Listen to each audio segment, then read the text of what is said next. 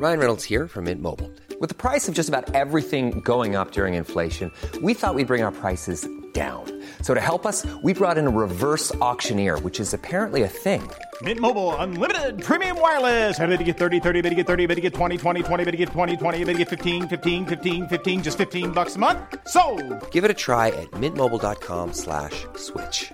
$45 upfront for three months plus taxes and fees. Promo for new customers for limited time. Unlimited more than 40 gigabytes per month. Slows. Full terms at mintmobile.com. I'm Sandra, and I'm just the professional your small business was looking for. But you didn't hire me because you didn't use LinkedIn jobs. LinkedIn has professionals you can't find anywhere else, including those who aren't actively looking for a new job but might be open to the perfect role, like me. In a given month, over 70% of LinkedIn users don't visit other leading job sites. So if you're not looking on LinkedIn, you'll miss out on great candidates like Sandra. Start hiring professionals like a professional. Post your free job on linkedin.com/people today. There's never been a faster or easier way to start your weight loss journey than with PlushCare. PlushCare accepts most insurance plans and gives you online access to board-certified physicians who can prescribe FDA-approved weight loss medications like Wigovi and Zepbound for those who qualify. Take charge of your health and speak with a board-certified physician about a weight loss plan that's right for you. Get started today at plushcare.com slash weight loss. That's plushcare.com slash weight loss. plushcare.com slash weight loss.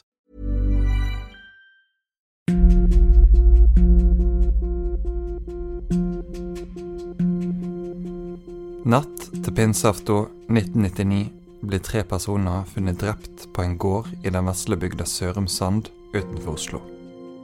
Marie og Christian Orderud blir funnet skutt i sin egen heim sammen med dattera deres, Anne Orderud Paust.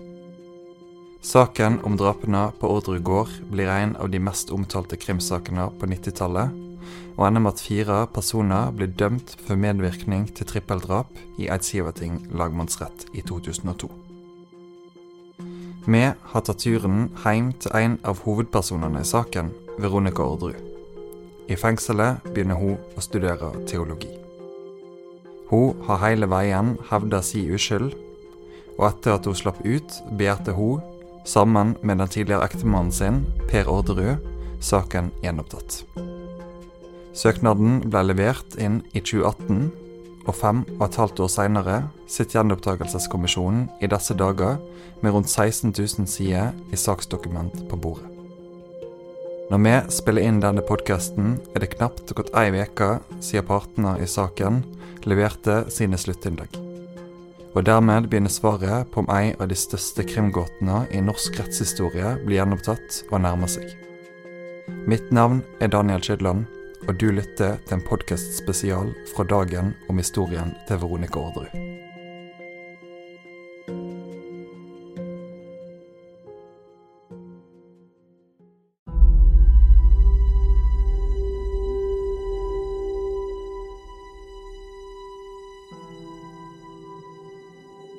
Øst i Oslo har snøen lagt seg. Det ligger en dis over hele området. Og i inngangen til ei myrblokk står det Orderud på en av ringeklokkene. Når døra går opp, hører vi lyden av tre små pomeranians som kommer springende mot oss.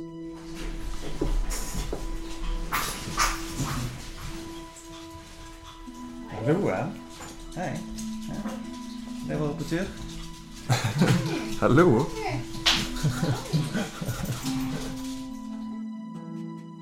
I døra står en av de mest kjente personene i norsk krimhistorie, Veronica Orderud.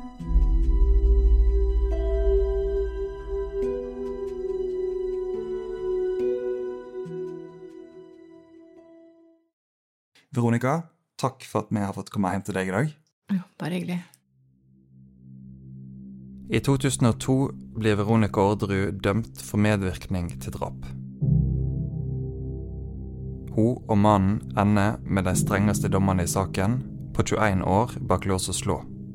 I 2015 slapp hun ut av fengsel etter å sone to tredjedeler av dommen. Hvordan ser dagene dine ut i dag?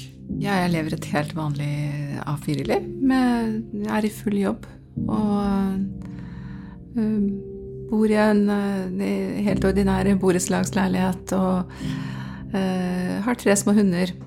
som jeg er ute på tur med på, på fritiden, og lever et helt, helt normalt liv. I 1993 flytter Veronica inn på Orderud gård. Hun studerer til å bli veterinær, og hadde fått praksisplass på denne gården på Sørumsand, en 40-50 minutters kjøretur utenfor hovedstaden. På gården treffer bonden Per Orderud, og med tida blir de et par. Kan du huske hvordan du opplevde at det var å komme til Orderud gård? Ja, det var jo veldig annerledes eh, den gangen enn det er nå. Fordi eh, eh, det har skjedd veldig, veldig mye på de eh, 25 årene. Så Stor-Oslo brer jo på en måte bare om seg. ikke sant? Så, nå er det på en måte slags Oslo helt fra Oslo og langt ut på landet. Men den gangen så var det var det jo ikke sånn. Da var det jo veldig landet å komme til Sørumsand. Eh, og så var det jo en helt annen type innbyggere, fordi at eh, der var det på en måte de originale Sørumsand-boerne, eller de som var født og oppvokst der og hadde tilhørighet på gårdene rundt forbi der. og mens i dag så er det jo masse innflyttere, ikke sant? barnefamilier fra byen som har flyttet ut. Og, så miljøet har jo endret seg helt dramatisk, og de har jo bygget ut stort sånt lokalsenter. og mens uh, den gangen så var det på en måte uh, dagligvare, uh, postkontor og bank, ikke sant. Så, så, det er veldig veldig annerledes. Jeg tror ikke man kan forestille seg hvordan det var den gangen fra når man ser det nå, da, hvis man ikke har tilhørighet til Bygde-Norge. Og på gården der så traff du det som nå er din tidligere ektemann Per Orderud. Hvordan ble det et par? Nei Det var vel litt sånn tilfeldig, det, egentlig, da. Men det, det, var jo på en måte bare meg og, og Per på gården, da. Jeg var jo den eneste som jobbet der i tillegg til han. Og så var jo foreldrene, eller faren, var jo der nede noen ganger i uken. Men bortsett fra det, så var det jo bare han og meg. Pinsen 1999 har Per og Veronica vært gift i flere år. Trass i at de fremdeles bor på gården rett ved sida av foreldrene til Per, snakker ikke de sammen med foreldrene hans lenger. I dommen blir det lagt til grunn at en konflikt om gårdsarven, kjent som gårdstvisten, var motivet for drapene. Vi var på en sånn hundeutstilling oppe i Nesbyen sammen med venner og bekjente. Eh, og så fikk jeg jo en telefon Eh, som da var ganske dramatisk, hvor eh, en lensmannsbetjent fra Sørum ringte og sa at eh, foreldrene og søsteren til Per var funnet Jeg husker jo ikke akkurat ordlyden, om det var drept eller skutt eller myrdet eller Men i hvert fall at de var døde, funnet døde. Og, og, og jeg husker jo at jeg ikke forsto det og liksom ikke helt trodde på det. fordi at uh, jeg var ganske sikker på at hvis man skulle få sånne, den type beskjeder, så skulle man ikke få det på telefon. Da forventer man jo at politiet møter opp med prest, ikke sant? og det er jo det man på en måte har blitt innpodet, da. At det er sånn det skjer. Så jeg husker at jeg ikke helt trodde at det kunne være sant. Uh, og så ble det jo litt sånn, når jeg da fortalte hva som hadde skjedd, så ble det jo litt styr og ståk rundt oss. Og så endte det jo med at lensmannen på Nesbyen, som også var til stede på denne hundeutstillingen, tok fatt i saken da og ringte til Sørum lensmannskontor for å høre om dette kunne være tilfellet. Når skjønte du at du var en del av etterforskningen av drapene? Jeg forsto vel egentlig ikke det sånn på en måte så forsto jeg nok ikke det før vi faktisk ble arrestert. Fordi at det, eh, det er jo helt naturlig at eh, politiet snakker med familie og pårørende, og at man da også blir kalt inn til avhør som familie og pårørende. Så, så jeg tenkte ikke jeg, jeg, kan ikke huske at jeg tenkte at det var noe dramatisk, eller at det var noe som var feil, på en måte.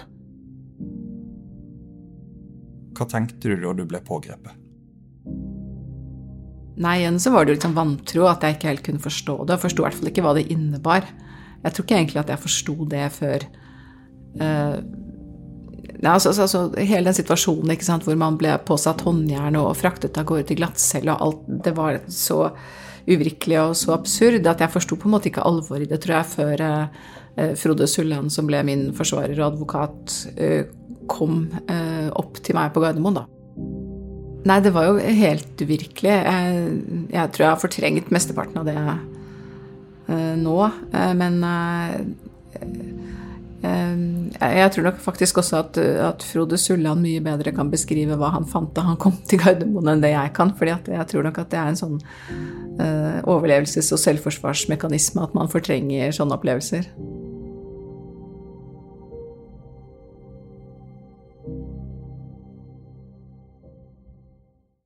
Det gikk nesten tre år fra drapene på Orderud gård ble utført, til den endelige dommen i saken falt. Veronica Orderud ble sammen med mannen Per Orderud, søstre Kristin Kirkemo og nå avdøde Lars Grønnerød dømt i Eidsivating lagmannsrett i 2002. Hvordan opplevdes det å sitte og vente på en jury som skulle avsi en dom? Nei, det var helt håpløst. Det var eh, Jeg tror jeg har eh, sagt det flere ganger tidligere, at det føltes på en måte som å stå ytterst på et stup, og så visste du ikke om eh, du ble dyttet utfor, eller om noen tok tak i deg og dro deg inn igjen da, i siste sekund. Det var litt følelsen. Akkurat hva som skjedde på den sagnomsuste gården natt til pinseaften 1999, har en aldri fått klarhet i. Dommen slår likevel fast at Veronica Orderud medvirka til drapet på foreldrene og søstre til ektemannen. Ja, altså Da var det jo som om man ble dyttet utfor. Som om man At all grunnen bare forsvant under føttene på en, og du, du, visste jo på en måte ikke hva som lå foran deg. Hvordan var de dagene i den tidsperioden rundt eh, dommen? Nei, Dette er litt håpløst, for at man prøver jo i sånne situasjoner så forsøker man jo bare å, å eksistere på et vis, og så legger du vekk eller du forsøker å legge dette vekk, fordi at det er jo helt umulig å gå og tenke på dette hele tiden. For da kan du jo ikke sove, og du kan ikke spise eller ingenting. Så du må jo for, på en måte prøve å legge det litt vekk. Men samtidig så er det der, ikke sant? Konstant. Så uh, Nei, det er helt, uh, helt ubeskrivelig. Uh, mm. Når du får dommen, så går det jo fra å være ei fri eh, ung kvinne med framtida foran seg, til å plutselig sitte bak eh, murene. Hvordan føltes det å sitte i fengsel plutselig? Nei, altså Det føltes jo som om livet var slutt. Som om alt på en måte var over. Um, og det tok jo lang tid. Uh, jeg husker ikke akkurat uh, det nå, selvfølgelig, hvor lang tid det tok, sånn, men, men, jeg brukte lang tid på en måte på Eh, eh, bestemme meg for at jeg skulle klare det, da. Eller at jeg skulle finne noen mestringsstrategier og noen måter å takle dette på som gjorde at jeg eh, klarte det, eller overlevde. For det er klart, den første tiden husker jeg egentlig ikke så mye av. Så, så, det tok tid å på en måte finne seg selv i all den viraken som var rundt alt sammen. Hva legger du i at du, at du brukte tid på å finne ut hvordan du skulle klare det? Jo, altså hvordan jeg skulle takle det. For det er jo klart, alt var jo Jeg hadde jo sittet i varetekt, men da sitter man jo låst inne for seg selv, helt i ensomhet. ikke sant? Du har jo ikke noe kontakt med andre. Og, og da til en måte Når du da ble, eller jeg ble sluppet ut fra varetekt, så var det på en måte over. Eh, og da måtte omstille seg i forhold til at det ikke var over likevel, men at det ventet noe som kanskje var mye verre, da. Eh, det var ganske voldsomt. Også dette at du da sone på en annen måte, ikke sant? med at du skal ha kontakt med, med andre innsatte og, og, på en måte skal forsøke å leve noe som ligner på et liv da, innenfor de murene. Nei, da trodde jeg nok kanskje at jeg ikke kom til å klare det. At dette her eh, ble for vanskelig. Hva, hva mener du med det? Nei, altså at uh, Nei, at jeg, jeg kanskje, kanskje, ikke var helt innstilt på at jeg, jeg skulle forsøke å klare det heller, da. Eh, at jeg kanskje skulle avslutte livet. Men eh, og, og, så husker jeg at jeg hadde sånne samtaler med både med, med Frode Sulland og med Heidi Yssen, som var advokatene mine, og, og også med, eh, med Fikk jeg jo psykolog etter hvert, da, og hadde jo mye samtaler med psykologen. Og, og jeg måtte jo på en måte finne en styrke ikke sant, i meg selv, da. Hva skjedde? Uh, nei, da var, da var, det vel det som skjedde. Jeg var jo på en måte heldig, fordi at jeg hadde jo Eh, både Frode og Heidi som stilte opp for meg. Jeg hadde familie som stilte opp for meg. Sånn at jeg hadde jo mange mennesker rundt meg. Veldig mange har jo ikke det, er jo ikke så heldige. Sånn at jeg hadde jo mange å snakke med, og mange som sa at Eller forsikret meg om at de alltid skulle være der. Det var, det var veldig viktig. Og så, så, det var vel det som på en måte gjorde at jeg etter hvert forsto at uh, dette kunne jeg ha styrke til å klare, da. Og så brukte jeg jo veldig veldig lang tid på å finne min måte likevel. Altså Det tok jo flere år før jeg på en måte klarte å lande i det som skulle bli min måte å takle ting på, da. Så har du jo ei tru på Gud. Hvor var eh, Gud oppi dette mørket som du beskriver? Ja, det lurte jeg på òg.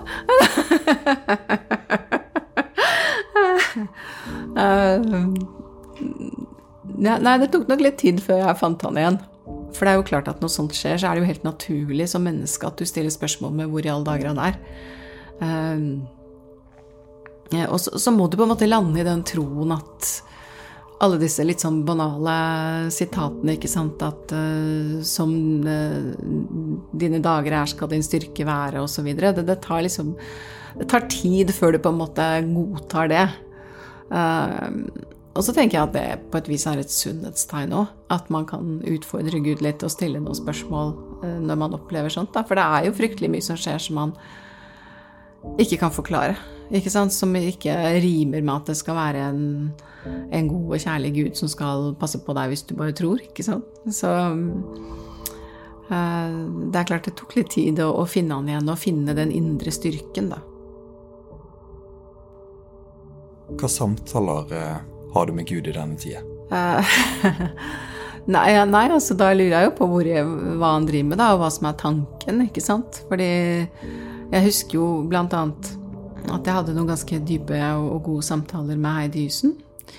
Uh, og så husker jeg på et tidspunkt at hun sa at ja, men Veronica, du må prøve å tenke at uh, om du klarer å stå i dette her og finne frem til en styrke i deg selv som gjør at du takler dette, så kommer du til å bli et så utrolig mye sterkere og flottere menneske når du kommer ut på den andre siden. Uh, og da husker jeg at jeg svarte henne at ja, men i alle var utgangspunktet så forferdelig. Så det er jo liksom noe med at det er, var utgangspunktet så ille at du må gå gjennom noe sånt for å bli et godt menneske, ikke sant. Uh, men så, er, så, har hun jo rett. Altså, det er jo lett når du sitter og ser ting i, i retrospekt, og så ser man jo det at selvfølgelig så, så er det jo sånn at vi er jo summen av alle de erfaringene vi gjør, oss, og alt det vi har vært gjennom. Uh, og det er jo klart at du blir jo fryktelig mye sterkere av å ha stått i, i tunge ting. Ja, hva gjorde det med deg? Nei, det gjorde vel akkurat det, tror jeg. At, uh, at jeg ble, tror jeg, da, mye sterkere og tøffere som menneske. Og tror jeg også mye klokere, fordi at jeg har fått sett og oppleve så voldsomt mye som jeg ikke hadde fått hvis jeg hadde levd et mer sånn normalt A4-liv som jeg hadde kommet til å leve, da. Eh, jeg har jo truffet masse mennesker som jeg aldri hadde truffet under normale omstendigheter. Eh, så det er jo klart at det gjør noe med deg. Det åpner jo øynene dine for mye, ikke sant? Og eh, det gir deg jo mye mer innsikt. Gjør det, ja. Sterkere, klokere. Og mye mer ydmyk også i forhold til at det er så mye du ikke har greie på, og mye du ikke vet. ikke sant? Og særlig da om hva andre mennesker opplever, og om andre menneskers livshistorie. Eh, det er så lett å lulle seg inn i en sånn forestilling om at eh, ja, når vi er så heldige å være født i Norge, så, så, er vi alle så like, og alle har så godt utgangspunkt, og alle kan bli hva de vil. Og, eh, og så er det jo noe med at det, det, er jo ikke sånn likevel. Det er jo veldig stor forskjell på utgangspunktet vårt. Um, så, det er jo klart det er jo mye jeg på en måte har tatt med meg på veien. Uh, så det har jo gitt meg en ganske unik kompetanse, da. Og så er det jo det å bruke styrken i seg selv til å klare å se det som en kompetanse. Eh, og ikke se det som noe som hemmer en, da. Veronica forteller at hun allerede som barn hadde sterk tro på Gud.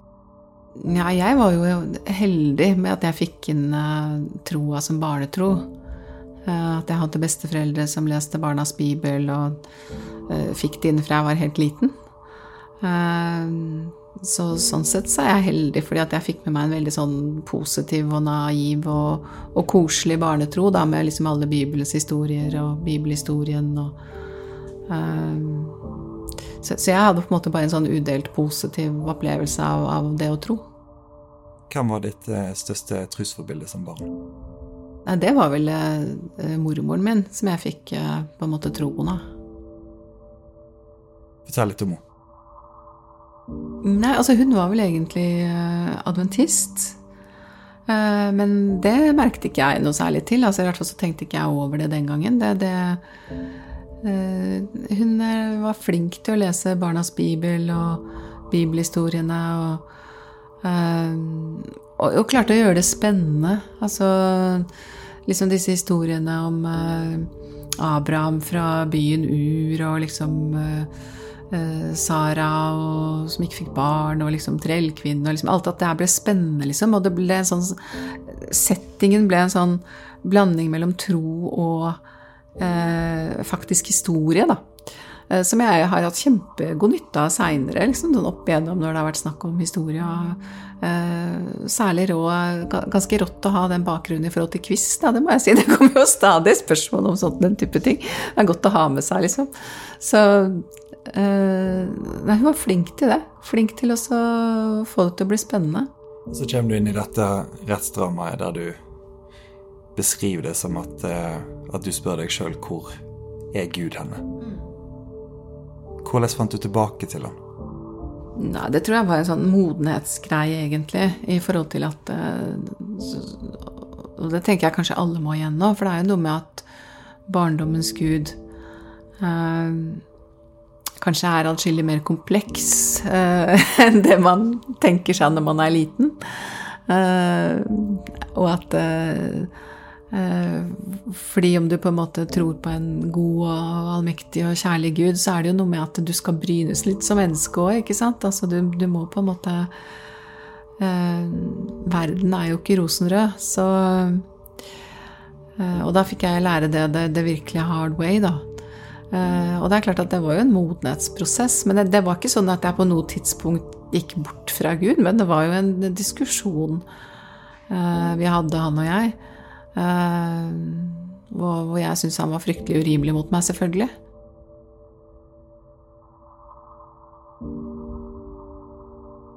Og, jeg, ja, og jeg tror også det at når jeg da først innså at det kanskje var var Gud og, var troa min tro, så, så følte jeg meg trygg. Og siden så har den tryggheten og den på en måte kjærligheten båret meg gjennom, føler jeg. Hvordan endrer denne dommen og det at du havna i fengsel, eh, trua di? Eh, nei, den, den, gjorde det nok kanskje litt mer realitetsorientert, ja. I forhold til at eh, alt det man hadde med seg fra barndommen, ikke sant, med Gud som en sånn kjærlig far med hvitt skjegg oppi skyene og engler, og eh, at det kanskje var noen andre aspekter der som man måtte bryne seg på, ikke sant. At, eh, uh, at det var ikke så enkelt. At det, ja, at det var liksom litt mer komplekst, og at det krevet litt mer jobb, da. Ja, At det å, å, tro, det er ikke noe som altså, De er heldige, de som på en måte får en eller annen form for åpenbaring som gjør at de bare får, finner troen og har troen med seg videre, og at det ikke er noe kamp, liksom. Men jeg tror ikke det, jeg tror ikke det er sånn for de fleste. Jeg tror mer det at det er noe du eh, ja, Barnetroen ligger der, men samtidig så er det en intellektuell vei, da. Altså det er en kamp på en måte før du finner frem. Hvordan, eh, hvordan, oppleves denne kampen som du beskriver? Uh, nei, altså den kan jo være ganske tøft, da. Um, og så tenker jeg at det skal være rom for det også. Jeg tenker at vi skal være helt ærlige på det. At, uh, uh, fordi langt de fleste av oss så tror jeg det, det, er sånn. Jeg tror ikke det er sånn at troa bare kommer, og så er alt rosa og gyllenrødt, liksom. Jeg tror det er at det er en kamp å, å finne frem, og du, du, skal ha lov til å stille spørsmål til Gud. Da. Du skal ha lov til å tvile, og du skal ha lov til å spille, stille spørsmål. Eh, du kan gjerne utfordre Gud litt, tenker jeg. Um, jeg, jeg tror ikke på noe sånn at man skal bare på en måte underkaste seg og blind lydighet. Og, uh, jeg tror på en mer intellektuell vei, da. Ei tid etter Veronica blir satt inn, dømt for medvirkning til trippeldrap, begynner hun å studere teologi. Hun forteller at det var en slags intellektuell flukt for å få tankene over på noe annet. I fengselet var det òg få alternativ, og etter tips fra en annen innsatt melder hun seg opp ved Teologisk fakultet på Universitetet i Oslo. Eh, nei, da ble det jo på en måte enda litt mer sånn uh, intellektuelt på et vis, da. Ikke sant? At, uh, at jeg på en måte fikk litt trygghet for at det var en ganske normal vei til tro, da. At det ikke var så ikke bare var meg som hadde trøbbel med at, at Gud valgte veier og gjorde ting som ikke var så lett å forklare. I løpet av studiet begynner hun å tenke på ei framtid som prest.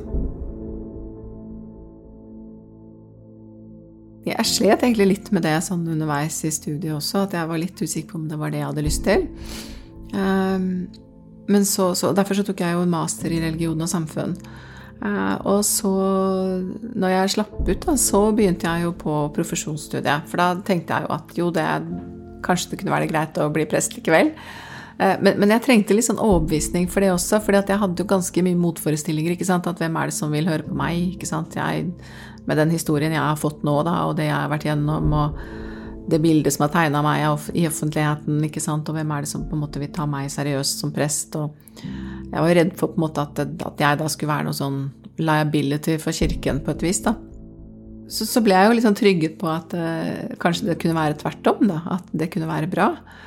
Uh, at det var en person som nettopp hadde, selv hadde opplevd mye og, og stått i mye. Og, men allikevel, det var liksom, liksom jeg, jeg, var ikke helt sikker, men jeg begynte nå i hvert fall på profesjonsstudiet. Og så kom jeg jo helt til, eh, til det praktiske eh, Eller praksisen, da. Eh, før jeg på en måte bestemte meg for at jeg måtte vente.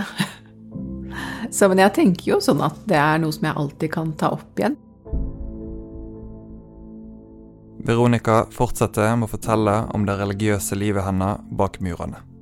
Det er jo noe med at um, det er jo veldig lite å ta seg til i et fengsel. sånn Prestene blir jo veldig sentrale.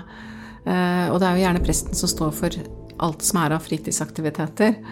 Så, så de blir jo gjerne de som arrangerer uh, konserter, sørger for kino liksom Alle mulige slags tilbud da i, i tillegg til det å holde eh, altså andakter og gudstjenester og samtalegrupper. De blir veldig sentrale i fengselsmiljøet, da. Eh, og det var jo fantastisk flotte prester både i Skien og, på Bredtvet eh, som tok den oppgaven veldig alvorlig. Jeg kan nesten ikke skjønne at de hadde noe liv ved siden av å være i fengsel, for de var der jo hele tiden. Um, så, og så er det jo også noe med at Eh, det er liksom hele settingen. Altså man får jo veldig mye tid for seg selv, veldig mye tid til å tenke. Eh, og alt dette gjør jo at folk får eh, tid til en åndelig søken som man kanskje ikke får tid til ute i et hektisk liv. Da. Enten det er som helt normale arbeidstaker, hadde jeg sagt, eller som kriminell for den del. ikke sant? Så, så, er det mye vanskeligere å gjøre det til en del av livet. Mens når man sitter i fengsel, så blir det det eneste på et vis, da. Så det, så det er veldig, veldig ulikt. Og derfor så tror jeg også at det religiøse livet i fengslene blir mye sterkere. Um, og det var jo en del uh, episoder, faktisk, hvor uh,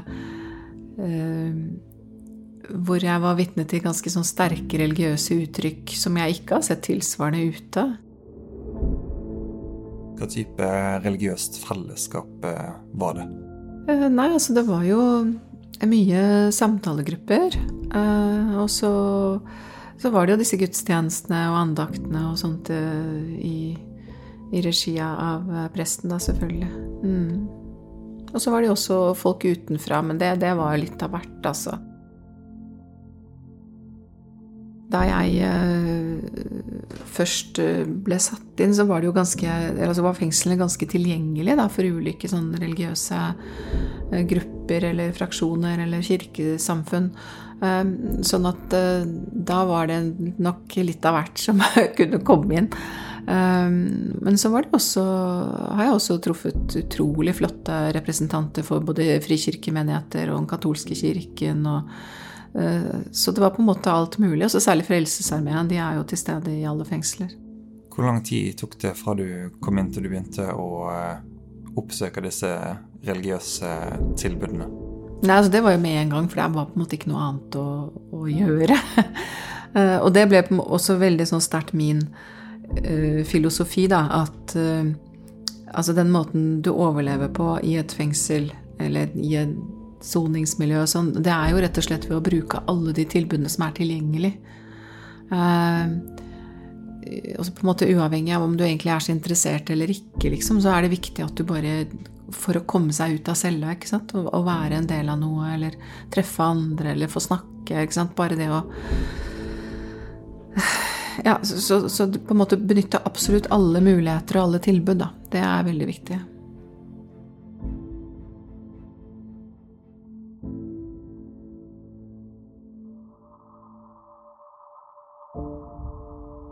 Veronica, i 2015 så har du sona to tredjedeler av dommen din på 21 år, eh, og da slapp du ut. Når du ser tilbake på tida du satt inne i dag, hvor viktig har trua di på Gud vært? Ja, det tror jeg har vært helt uh, avgjørende for meg, i hvert fall. Uh, kanskje også fordi at jeg aldri har opplevd den der redselen for eget selskap, da. Snarere tvers, eller tvert om. Um, jeg vet jo veldig mange får veldig sånn panikk når døren stenges og de må være alene. Og, og, og, det har jeg heldigvis aldri vært. Jeg har alltid følt at liksom, det var trygt når døren ble låst, ja, for da jeg liksom, kunne jeg være meg selv og liksom senke skuldrene. Og, um, så det er jo klart at jeg har jo følt hele tiden at det har gitt meg en veldig styrke i meg selv. Da. Det er snart ni år siden Veronica Orderud slapp ut. I dag bor hun i Oslo og er i full jobb. Det har vært veldig greit. Men eh, det var hardere i starten enn jeg hadde forestilt meg, til tross for at jeg hadde eh, Jeg trodde jo selv at jeg hadde forberedt meg, men allikevel så var jo overgangen mye større enn jeg hadde, hadde klart å forberede meg til. Men eh, etter hvert så har det jo blitt veldig bra, syns jeg, og jeg lever jo et helt vanlig liv nå. Samtidig er det enkelte ting som var annerledes i fengselet, som hun satte pris på. Det var det jeg skulle si angående det i forhold til det å sitte inne. Og særlig nå eh, når vi nærmer oss jul, så er det jo litt sånn viktig fordi at vi hadde jo ikke noe jeg hadde jo ikke noe penger, ikke sant. Altså, det var jo ikke noe fine gaver og sånn at så, så særlig jul og påske og sånn. Det ble veldig sånn verdiorientert, da. Og det syns jeg var veldig ålreit. Og det var jo veldig styrke. Uh, og, og, ting som ute på en måte bare drukner i all viraken i forhold til å, å kjøpe dyre gaver og liksom haste rundt i kjøpesentre og alt det der. Altså, vi hadde jo ikke det. Sånn at uh, det ble veldig gøy, ikke sant, de der små tingene vi gjorde sammen, da, ikke sant, enten det var å trille marsipan eller uh, uh, male julekort eller liksom så, sånne ting som man ikke har tid til eller ikke tenker på ute i det hele tatt. Det ble veldig viktig der inne. Er det noe du har tatt med deg eh, videre? Ja, jeg skulle ønske det var det. men man blir jo på en måte slukt av den virkeligheten som er her ute. ikke sant? Men, men akkurat det der med de der verdiene, og det at eh, vi fikk jo eh, konfekteska av Frelsesarmeen til jul, ikke sant? og det var kjempehøydere. Det var jo helt eh, fantastisk, og da, da, var det på en måte jul, sant? Så så det er noe som er viktig å ta med seg. Og, det var, var, det, var, likt for alle. Altså, det var jo ingen som hadde mer enn andre. ikke sant? Vi hadde jo like lite alle sammen. Så det, så det var faktisk veldig ålreit.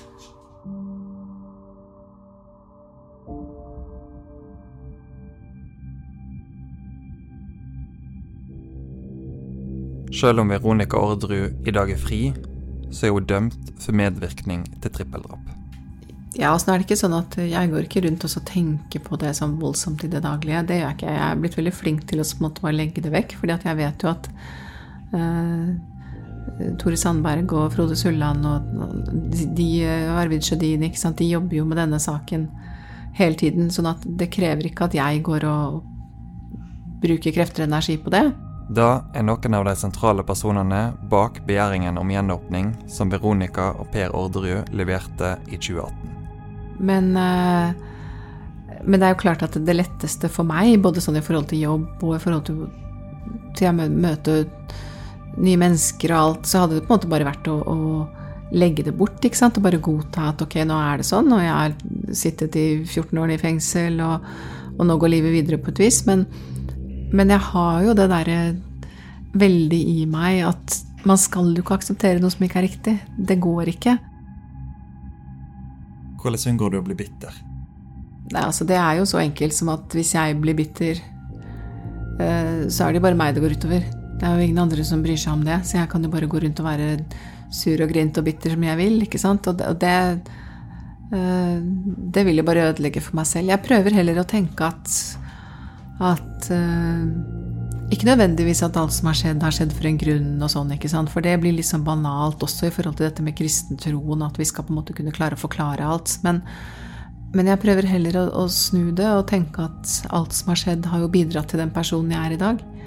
Eh, og det har jo gitt meg en ganske unik kompetanse som, og, og, mange erfaringer som jeg tar med meg videre, og som jeg må forsøke å bruke eh, mest mulig riktig og mest mulig positivt. da.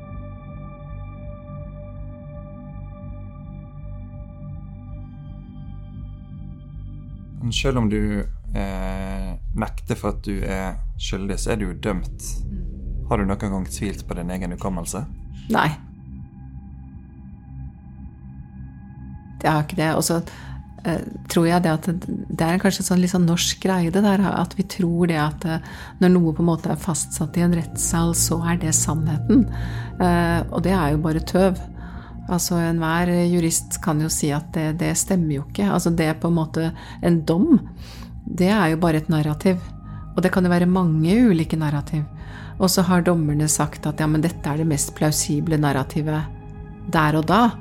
Eh, men det narrativet kan jo endre seg, som vi har sett i mange saker som er gjenopptatt nå, ikke sant, fra 90-tallet, hvor nye etterforskningsmetoder og nye DNA osv. har gjort at man har kunnet si at andre narrativ faktisk er mer sannsynlige, ikke sant.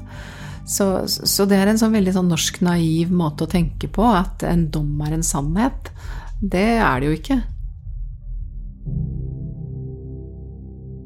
Men du er ikke dømt bare én gang, du er dømt to ganger i en norsk domstol. Kan du forstå at noen syns det er vanskelig å tro på deg? Ja, det kan jeg forstå, men samtidig så har det jo skjedd så mye nå de siste årene. I forhold til, eh, særlig da i forhold til gjenopptakelser av, av saker på 90-tallet. At jeg tenker at jeg tror at det, det, er i ferd med å endre seg. At folk er nok i ferd med å utvikle et litt annet syn. Uh, og så tenker jeg også at hvis de klarer, at folk klarer å se den sammenhengen den gangen som var mellom pressen og mediene eh, og den historien og det narrativet som ble fortalt der, og som ble så til de grader sementert, og den dommen som da til slutt kom, så tror jeg også det at det vil bidra til at folk får opp øynene litt for at dette kanskje ikke er riktig. I advent skriver Dagen en artikkel hver uke om personer som har dramatiske erfaringer med det å vente på noe. I fem og et halvt år har Veronica Orderud venta på svar på om Gjenopptakelseskommisjonen tar opp igjen saken hennes. Nei, altså På en måte så tenker jeg jo at tiden jobber for oss. Sånn at jeg um, Selvfølgelig, det er, det er, lang tid, men, men, det å på en måte vente når du sitter inne, er jo noe helt annet. Det går jo ikke an å sammenligne. For nå, klart, nå lever jeg jo et liv. Uh, og jeg har en hverdag som er fylt med en masse gjøremål og rutiner. Og, sånn at du Det blir jo ikke det samme. Det, det går jo ikke an å sammenligne. Uh, nå fylles jo dagen min av en masse ting rundt meg på et vis, da, ikke sant? mens når du sitter inne, så er det jo du sjøl som må klare å fylle de dagen din og timene dine. Så sånn sett så er det jo klart at det, det, de siste fem og et halvt årene eh, er noe, har vært helt, helt eh, totalt annerledes. Um, men, men, eh, det er jo klart at jeg tenker at det, det, begynner å nærme seg at jeg gjerne skulle hatt en avgjørelse. Um, men så vet jeg jo at den avgjørelsen ikke nødvendigvis betyr noe sluttstrek heller, ikke sant. Sånn at jeg tenker bare at man får bare stole på at man har den styrken, styrken man trenger til å stå i det og ta det som det kommer. Som du beskriver, så lever du i dag i en helt annen virkelighet enn eh, når du satt inne.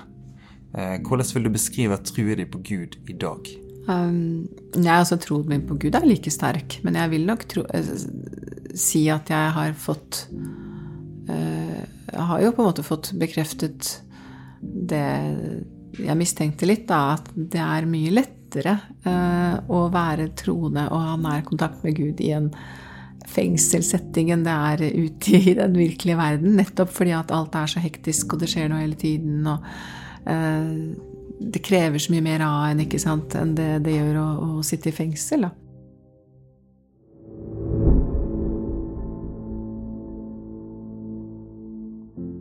Og så jobber du eh, i dag eh, på Nav, selv om du er nesten ferdig utdanna eh, prest. Hvorfor jobber du ikke i kirka? Det er et litt vanskelig spørsmål. Eh, til en viss grad så er det litt tilfeldigheter, og på den annen side så er det nok litt det at jeg at jeg begynner å føle at det er vanskeligere å ha tilhørighet i Den norske kirken. Ehm, jeg syns det er ting og liksom utviklingstendenser som gjør at det er, det er blitt vanskeligere. Hva legger du i det? Jeg legger vel i det at jeg tenker at for meg så må troa og kirken være en åndelig tilhørighet. Eh, og jeg tenker at det er det som er Kirkens oppgave. Å gi meg den åndelige tilhørigheten. Og jeg tenker at det jeg oppfatter å være mer sånn politisk aktivisme, hører ikke hjemme i Kirken. Det, for meg blir det feil. Og jeg tror at Kirken støter fra seg mange. Eh, og jeg syns det er leit. På hva måte støter Kirka ifra seg folk?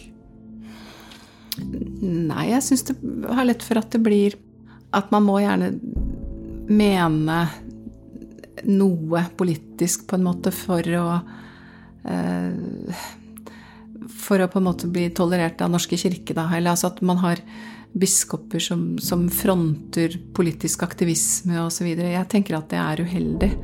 Um, og så kan man jo si at, at, det å på en måte være kristen da, og tro på, på Det nye testamentets budskap gjør at man skal mene uh, enkelte ting, eller på en måte stå for et visst menneskesyn osv. Og, så og ja, ja, det kan jeg til, til, en viss grad være enig i, men jeg tenker at det må man la folk finne ut av selv. Altså man må gi den tryggheten som er i Guds ord og i troa og i, den, uh, i det åndelige, og så må folk få lov til å finne ut av resten selv. Det må ikke være sånn at du nærmest må være venstreradikal og aller helst også ha en viss ledning, legning da, for å være akseptert i utgangspunktet, det blir feil. Opplever du at det er sånn?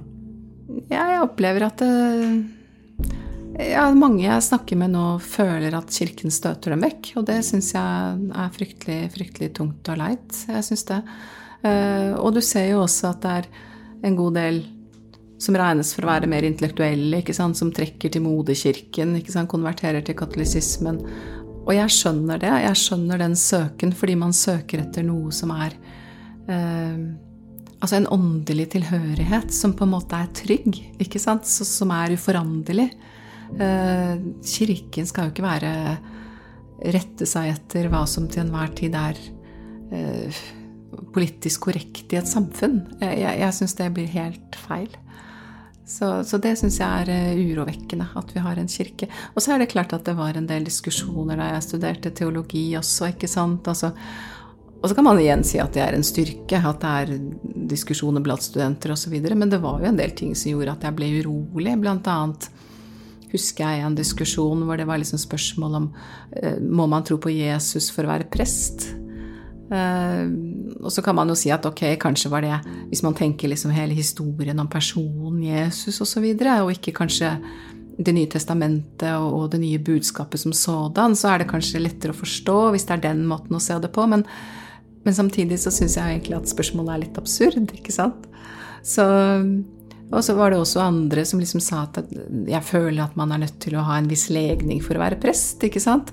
Eh, nå var jo dette på teologisk fakultet, da, som gjerne er regnet for å være litt mer liberalt kanskje enn Menighetsfakultetet. Men Nei, det skal jo ikke være sånn. Altså, er du trygg i troen og, og, ønsker å hjelpe andre til en åndelig tilhørighet, det er jo det som er viktig. Du sier at du har forståelse for de som eh, konverterer til eh, den katolske kirke. Har du vurdert å gjøre det sjøl? Ja, jeg har vurdert det. Det er på en måte noe som ligger der hele tiden. Og det er nettopp den der søken etter noe som er verdier som på en måte er litt uforanderlige, da. Ikke sant? Fordi at uh, jeg tenker Jeg leste Sigrid Undset som ganske ung, og veldig fascinert av Sigrid Undset. Skrev faktisk en særoppgave om henne. Og noe av det som jeg bet meg veldig merke i, det er noe det er forordet til det er vel til den kong Arthur og ridderen av det runde bord, så sier hun i for, forordet noe sånt som at seder og skikker forandrer seg gjennom århundrene, men menneskenes hjerter forandrer seg ikke. Veldig fritt, fritt gjengitt. Og det er, det er, jeg tenker at det er helt sant. Altså Menneskene er jo helt like. Menneskenes hjerter er helt like. Og hvorfor skal da troa eller kirken forandre seg? Jeg, det blir feil for meg.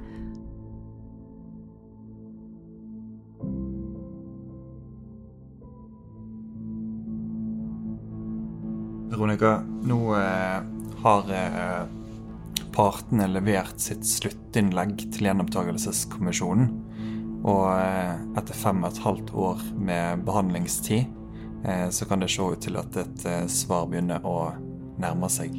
Hva forventninger har du? Jeg forventer jo at saken blir tatt opp igjen. Fordi at rent intellektuelt og juridisk så tenker jeg at det er det riktige. Og så prøver jeg å ta det skrittet tilbake og tenke se på dette utenfra som et tenkende, oppegående menneske, ikke sant.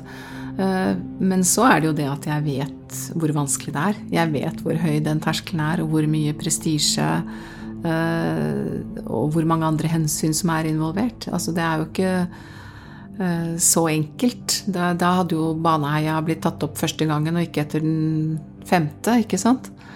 Men jeg forventer at saken kommer opp igjen. Og så får vi jo se da om, om det blir innfridd.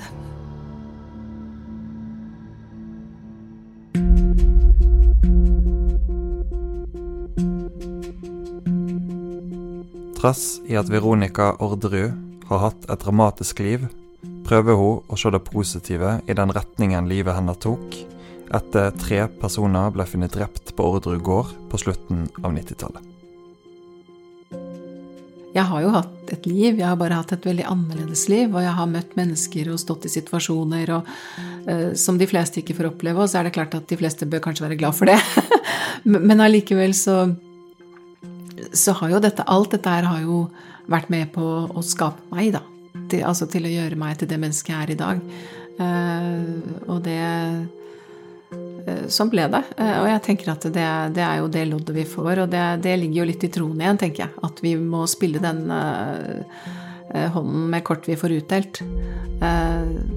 Det, det, er ikke noe fruktbart å gå og håpe på at det skulle vært annerledes. Vi må gjøre det beste ut av de kortene vi får. Det var det vi rakk. Du kan høre mer fra dagen der du lytter til podkast. Veronica Orderud, takk for praten. Takk skal du ha.